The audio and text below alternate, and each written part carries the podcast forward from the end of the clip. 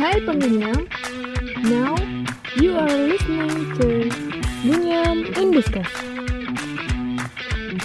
Let's talk about health issues, politics, movies, sciences, law, and literature.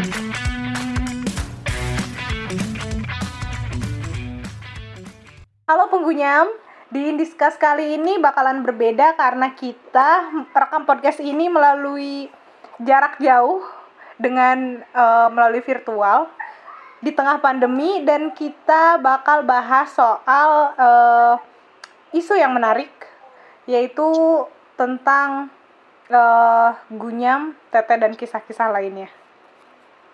Oke, okay, oh, iya. jadi kenapa kita bahas soal tete? Yang pertama karena memang sekarang isunya itu lagi panas banget soal uh, penarikan rancangan undang-undang penghapusan kekerasan seksual. Dan kali ini di Indiskas uh, kali ini kita bakalan bahas ini sama Teh Upi dan juga Halo. dan juga Sherlo di ujung sana. Hai. Oke. Okay. Uh, eh, gue bakalan bahas soal isu penarikan rancangan undang-undang ini kali ya. Jadi okay. penar penarikan ini Teupi dan Sherlo diusulkan oleh Wakil Ketua Komisi 8 eh, Bapak Marwan Dasopang yang mengatakan bahwa pembahasan mengenai rancangan undang-undang ini dinilai sulit.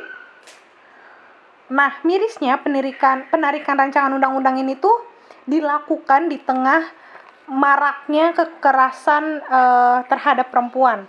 Bahkan angka kasus uh, soal kekerasan terhadap perempuan ini terus meningkat selama 12 tahun terakhir. Dan tahun 2019 adalah tahun dengan kasus kekerasan perempuan tertinggi. Jadi perempuan uh, jadi per, perkosaan merajalela, kasus incest dan cybercrime juga angka kasusnya tinggi sekali. Dan sepertinya kejadian di Denpasar kemarin uh, belum lama mengenai korban hamil yang malah dinikahkan dengan pemerkosanya itu tidak cukup menampar atau menyayat hati ibu-ibu bapak-bapak di uh, kursi DPR karena karena uh, korbannya yang hamil ini malah dinikahkan dengan pemerkosanya kemudian setelah lahir setelah ia melahirkan diperkosa pula sama mertuanya. Jadi kan memang kekerasan eh, seksual ini begitu uh, membuat jengkel ya dan dan uh, yeah, yeah. sakit hati gitu mendengar kasus ini kemudian ada juga nih kasus yang baru-baru terjadi soal pelayan Starbucks yang nontonin payudara pelanggan lewat CCTV dan sebenarnya masih banyak lagi kasus-kasus di luar sana di Indonesia mungkin bahkan di sekitar kita yang uh, kita nggak tahu atau bahkan sebenarnya kita tahu tapi pura-pura nggak tahu ya karena emang isunya nggak yeah. diangkat gitu. Tapi sebenarnya gimana sih kalian berdua memandang tentang uh, uh, tentang kekerasan seksual ini? Teh Upi boleh dimulai Ya oke, okay. kekerasan seksual isu yang tidak pernah habis-habis untuk dibahas bahkan mm-hmm. mungkin sampai hari kiamat ya. Iya benar banget. ya, uh, apalagi dengan rencana penghapusan RUU kekerasan seksual ini sungguh membuat kita merinding gitu. Entah seberapa banyak perempuan yang akan menjadi korban atau bahkan laki-laki yang juga sebenarnya mengalami kekerasan seksual ya. Hmm. Akan tetapi di sini kita menemukan begitu banyak kasus pelecehan seksual terhadap perempuan gitu. Nah, e, menurut saya ketika seseorang entah itu dia terpelajar atau tidak, entah itu dia memiliki ilmu yang tinggi atau tidak melakukan hmm. kekerasan dan pelecehan seksual terhadap orang lain secara tidak langsung sebenarnya dia telah, e, telah menunjukkan ketidakmampuan dirinya untuk memahami sejarah tubuhnya sendiri gitu. Okay. Kita manusia memiliki tubuh yang kita kendarai untuk hidup gitu ya mm-hmm. kita kita menjadi manusia karena kita punya raga ini punya punya badan ini gitu mm-hmm. dan alangkah menyedihkan ketika ada seseorang yang melakukan pelecehan seksual uh, terhadap tubuh orang lain padahal dirinya memiliki tubuhnya sendiri dengan sejarahnya sendiri mm-hmm. itu sungguh sangat disayangkan gitu nah dan kita juga melihat betapa tubuh perempuan ini memiliki sedikit otoritas dan perempuan juga tidak memiliki otonomi yang banyak terhadap tubuhnya. Hmm. ya bagaimana kasus-kasus pelecehan seksual itu ter terjadi terhadap perempuan itu lebih banyak daripada laki-laki. Dan juga uh, kalau misalnya kita, kita melihat lebih jauh tubuh perempuan pun menjadi objek dari ekonomi dan pasar. Ya uh, apa ya itu pasar kecantikan itu sekarang berkembang sangat pesat gitu kan dan tentu saja objek objeknya adalah tubuh perempuan gitu hmm. salah satu yang sering saya temukan di kolom komentar Instagram adalah alat atau apa obat pembesar payudara itu. Ya, nah entah kenapa si Tete ini menjadi salah satu bagian yang sangat dominan dibicarakan bahkan dia punya sektenya sendiri, ada begal khususnya sendiri. Hmm. Nah, menurut saya ini akan sangat menarik jika dibahas dari segi sains dan ilmu pengetahuan berkaitan dengan sejarah tubuh yang tadi gitu ya. Hmm. Kita tentu akan tahu sejarah tubuh kita dengan baik apabila kita mengerti fungsi tubuh kita dan uh, morfologi tubuh kita itu dari segi sains itu seperti apa gitu. Nah, nah yang nanti mungkin akan dibahas oleh Sherlock gitu. Dan kenapa sih tete itu begitu menarik banyak perhatian? Hmm. Entah dari wanitanya sendiri dan laki-laki sudah pasti gitu ya. Hmm. Bagaimana jika kita membahas ini dari segi sains tentu akan lebih menarik sehingga membuat kita memiliki dasar-dasar yang jelas tentang bagaimana cara memandang tubuh kita dan tubuh orang lain gitu sehingga hmm ada kesadaran kolektif untuk saling menghargai sejarah tubuh masing-masing gitu sih. Iya. Jadi gimana Sherlock? Kalau berdasarkan pandangan sains? Oke, jadi um, karena membahas tetek berarti membahas bagian dari manusia, uh-huh.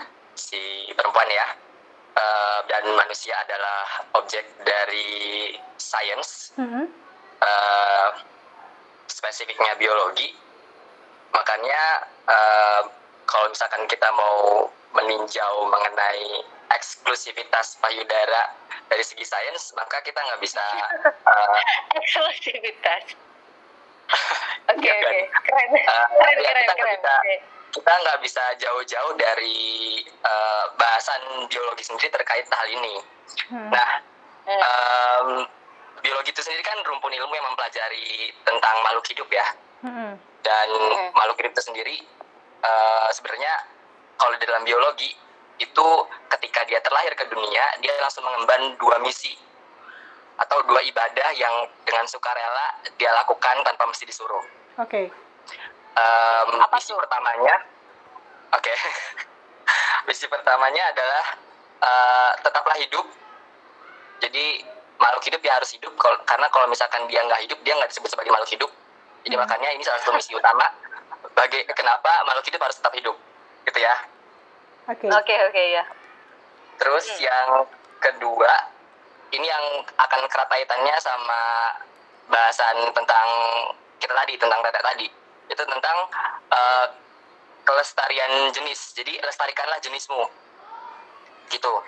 Nah, um, kalau kita bahas tentang kelestarian jenis otomatis langkah yang harus dilakukan oleh makhluk hidupnya adalah bereproduksi kan? Iya iya iya. Gitu. Nah dalam dalam bereproduksi pun ternyata hewan-hewan itu uh, punya perilaku khusus. Nah uh, perilaku khusus ini yang kita sebut sebagai seleksi seksual.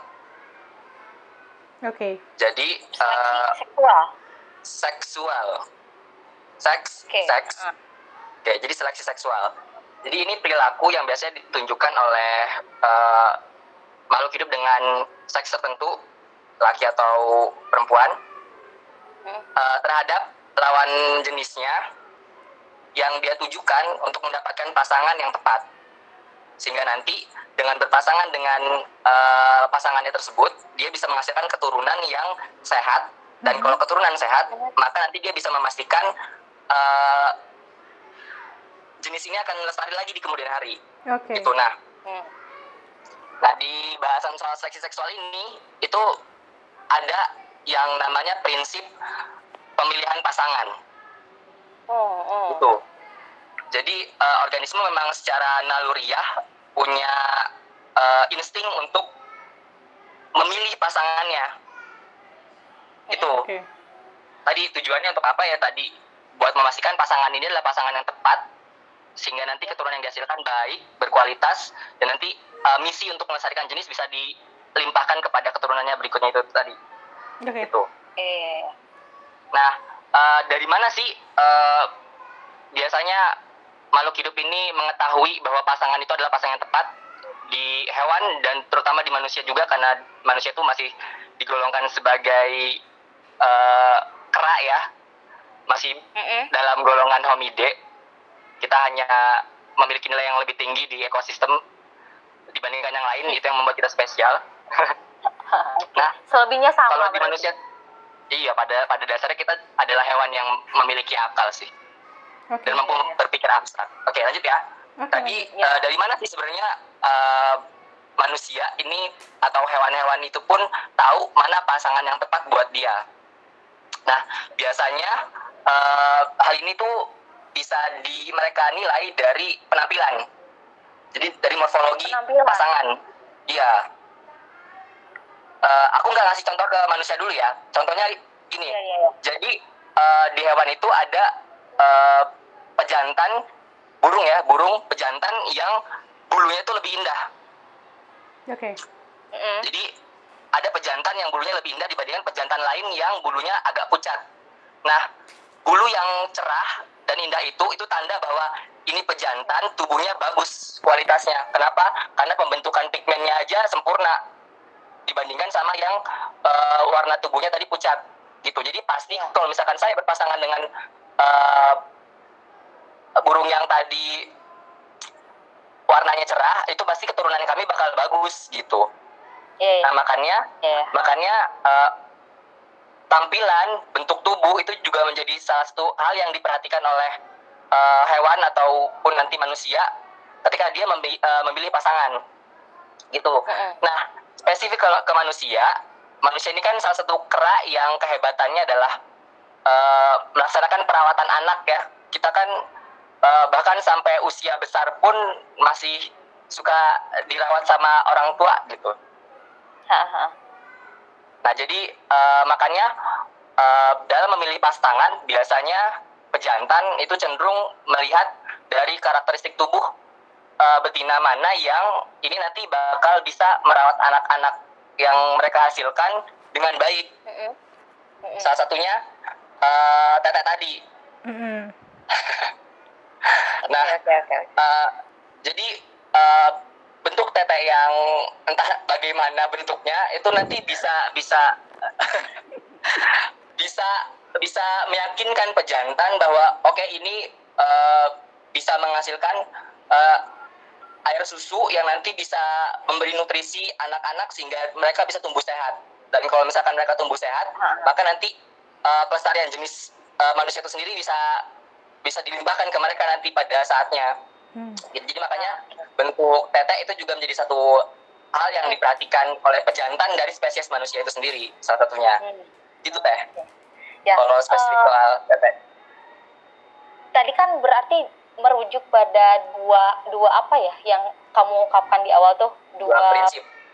Ya dua misi lah. Ya, dua prinsip makhluk hidup kenapa ah, dua misi lah ya yang kedua itu untuk melestarikan keturunannya gitu kan salah satunya dengan melihat ciri-ciri morfologi pasangan dan dalam hal ini bentuk payudara atau bentuk tete itu sendiri ya hmm. tapi mungkin itu kan itu kan yang kamu tadi jelaskan tuh terstruktur bahwa hewan memilih pasangan itu tuh salah satunya dari morfologi tubuhnya hmm. untuk melestarikan jenisnya ya. Hmm. Nah, kemudian kita melihat hal yang sangat kontradiktif ketika hewan itu memilih pasangan berdasarkan bentuk tubuhnya untuk melestarikan jenisnya sedangkan dalam dalam apa yang kita hadapi sehari-hari karena e, tadi klasifikasinya itu kita itu masih hewan, tapi ternyata dalam beberapa hal e, beberapa hewan berakal ini justru melihat si payudara ini menikmatinya bukan dalam rangka melestarikan jenisnya ya nggak sih? Iya iya iya. Yang yang ya. yang tadinya dua misi dua misi di awal itu jadi melenceng, melenceng gitu kan? Uh, benar gak? Benar benar banget. Melenceng jauh, benar benar banget. Melenceng jauh ya. harusnya kan harusnya ya tapi uh, jadi jadi jadi kemudian ada fungsi fungsi yang tidak dijalankan dengan semestinya berarti dari morfologi tubuh itu ya kan hmm. yang tadi sejarah sejarah tubuh kita bahwa misalnya si payudara ini salah satu indikator untuk menentukan siapa yang akan kita pilih untuk melestarikan keturunan kita kemudian hmm. dijadikan objek hanya untuk bersenang-senang memuaskan hmm. berahi istilahnya ya tanpa ada tujuan kepada dua misi yang tadi di atas gitu ya. Oh. Iya. Ironis gak sih? Ironi banget. Ironi banget. Ironi banget. hewan berakal yang lebih tinggi di di dibandingkan hewan-hewan lain yang tadi ya. Iya. Iya. Betul betul. Uh, justru ini memang benar banget apa yang Teteh bilang. Jadi uh, ketika fungsi sesungguhnya dari memandang sesuatu itu jadi hal yang lain, jadi berfungsi yang lain, itu sebenarnya makanya uh, manusia spesies manusia itu kemudian tahu kalau misalkan melencengnya tujuan utama mereka untuk memilih pasangan ini menjadi hanya sekedar apa hiburan itu adalah hal yang berbahaya makanya kemudian manusia-manusia ini sendiri menciptakan narasi-narasi tentang norma susila tentang bagaimana ah. melaksanakan ritual pernikahan gitu kan jadi makanya uh, benar manusia itu sendiri sudah realize bahwa ketika lu memandang sesuatu hanya sekedar hiburan padahal memandang sesuatu itu seharusnya lu tujukan untuk satu tujuan yang mulia yaitu melestarikan jenis. Hmm. makanya untuk mencegah hal ini terjadi makanya uh, beberapa manusia yang lebih mulia dan luhur pikirannya menciptakan norma-norma susila sama sama apa ritual pernikahan. Soalnya kalau misalkan tidak diatur demikian maka nanti uh, berkurang dong uh, apa sih namanya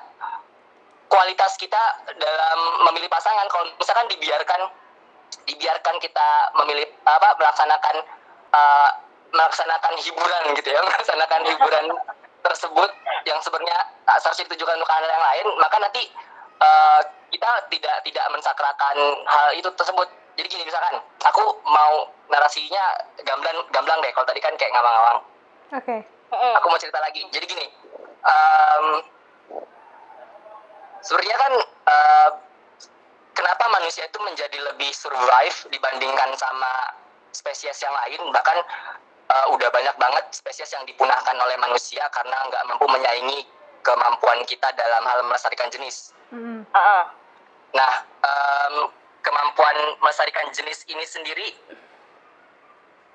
itu kalau pada manusia bergantung banget sama uh, merawat anak secara bersama. Jadi kedua pasangan itu dia merawat anak keturunannya secara bersamaan fokus gitu nah misalkan cara dengan baik karena tidak dipelihara uh, secara fokus dengan kedua orang tuanya atau nanti ha? bahkan kalau misalkan keliaran tadi malah justru jadi hal-hal yang susila uh, akan tidak ada bedanya dengan hewan lain yang melaksanakan uh, metode misalkan uh, dia menebar benih gitu ke mana-mana kayak hewan-hewan lain ya kayak misalkan ikan deh. Dia dia dia menebar benih ke mana-mana terus nanti nggak dipelihara ditinggalin begitu aja.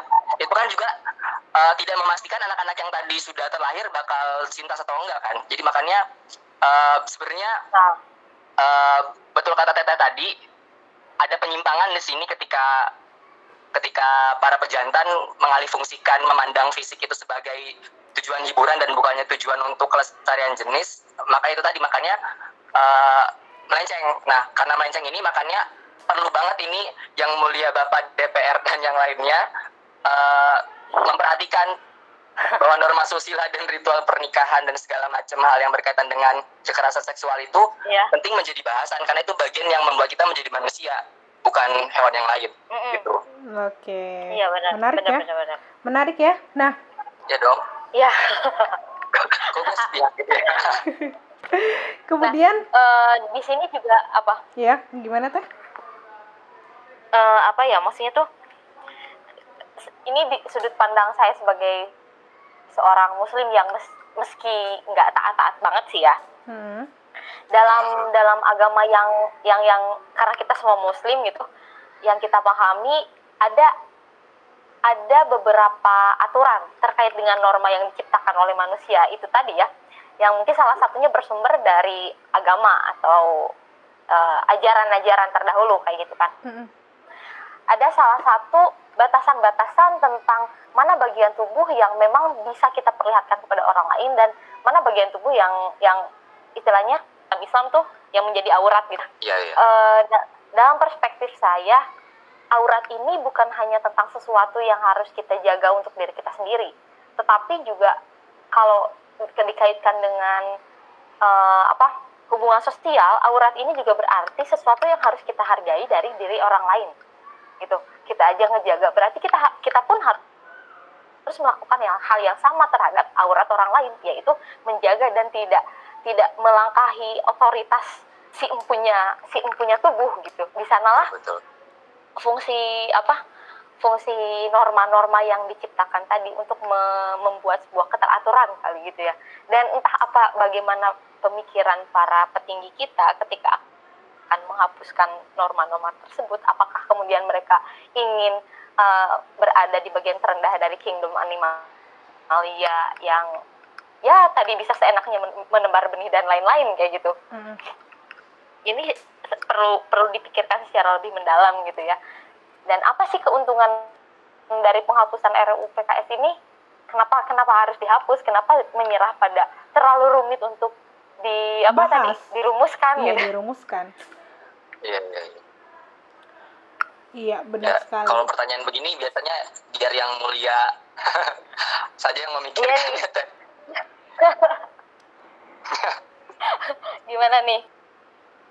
Ya sih gitu sih. Um, apa ya? Uh, sangat disayangkan banget memang benar ya.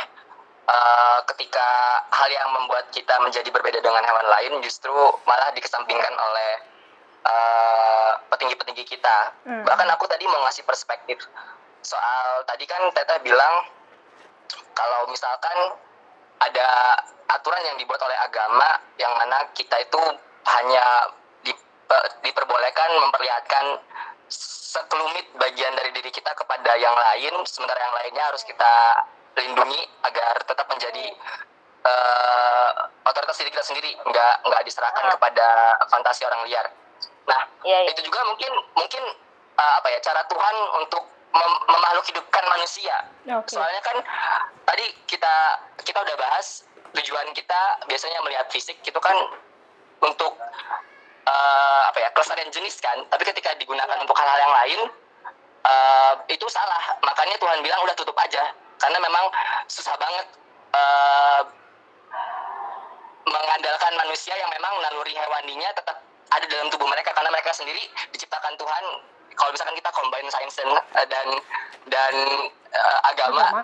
diciptakan dari uh, spesies sebelumnya yang juga memang benar-benar hewan tulen gitu. Hmm tapi nah, tapi gini tapi gini share gue kurang setuju dengan masalah aura tadi ya walaupun sebenarnya uh, secara orang yang uh, apa ya maksudnya yang memiliki keyakinan gue juga yakin bahwa itu adalah cara Tuhan untuk melindungi kita yeah, yeah. Uh, menjaga aura. Tapi mirisnya nggak uh, nggak melulu melihat dari pakaian gitu. Orang-orang uh, banyak yeah. juga banyak juga kasus-kasus uh, bukan hanya kepada orang-orang perempuan-perempuan yang menggunakan mengenakan pakaian-pakaian seksi, tapi orang-orang yang menutup eh. aurat, yang uh, kerudungan juga bahkan nggak sedikit yang pernah dilecehkan gitu, pernah mengalami kekerasan perempuan juga.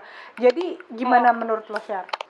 Um, uh, kalau aku ya ini pendapat personal sih, dan hmm. tapi dipertimbangkan berdasarkan pengetahuan sains yang aku tahu.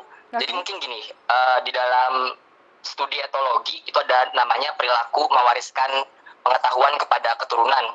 Jadi kayak cultural transmission gitu kepada keturunan berikutnya. Okay. Nah, uh, pejantan itu kan tahu pejantan dewasa deh. Pejantan dewasa kan tahu kalau lu mau milih pasangan lu harus memiliki kriteria yang kayak begini.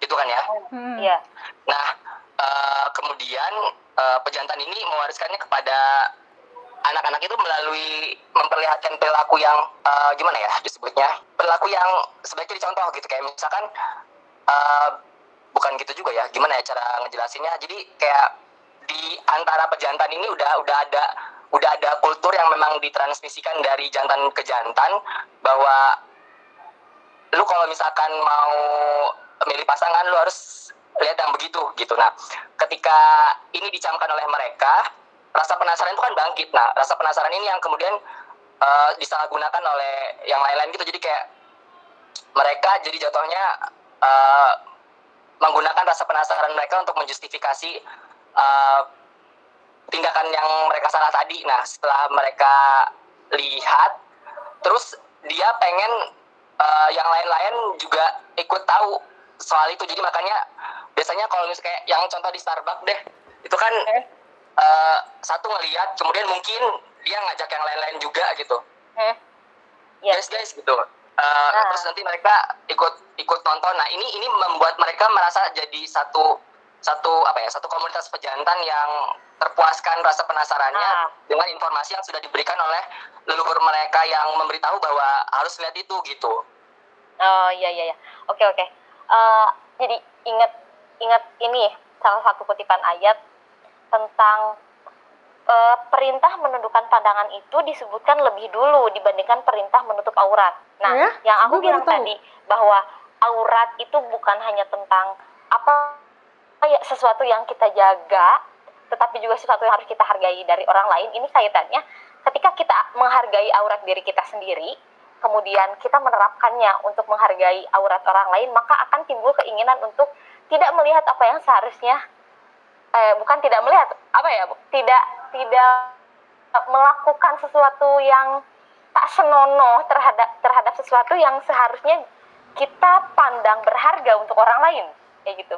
Termasuk uh, ketika perbuatan si penjaga CCTV tadi melihat uh, apa salah satu payudara pelanggannya di Starbucks di sana uh, apa ya maksudnya uh, sering dipersalahkan bahwa mengapa perempuannya memperlihatkan gitu ya. Mengapa perempuannya memperlihatkan bagian tubuhnya gitu kan.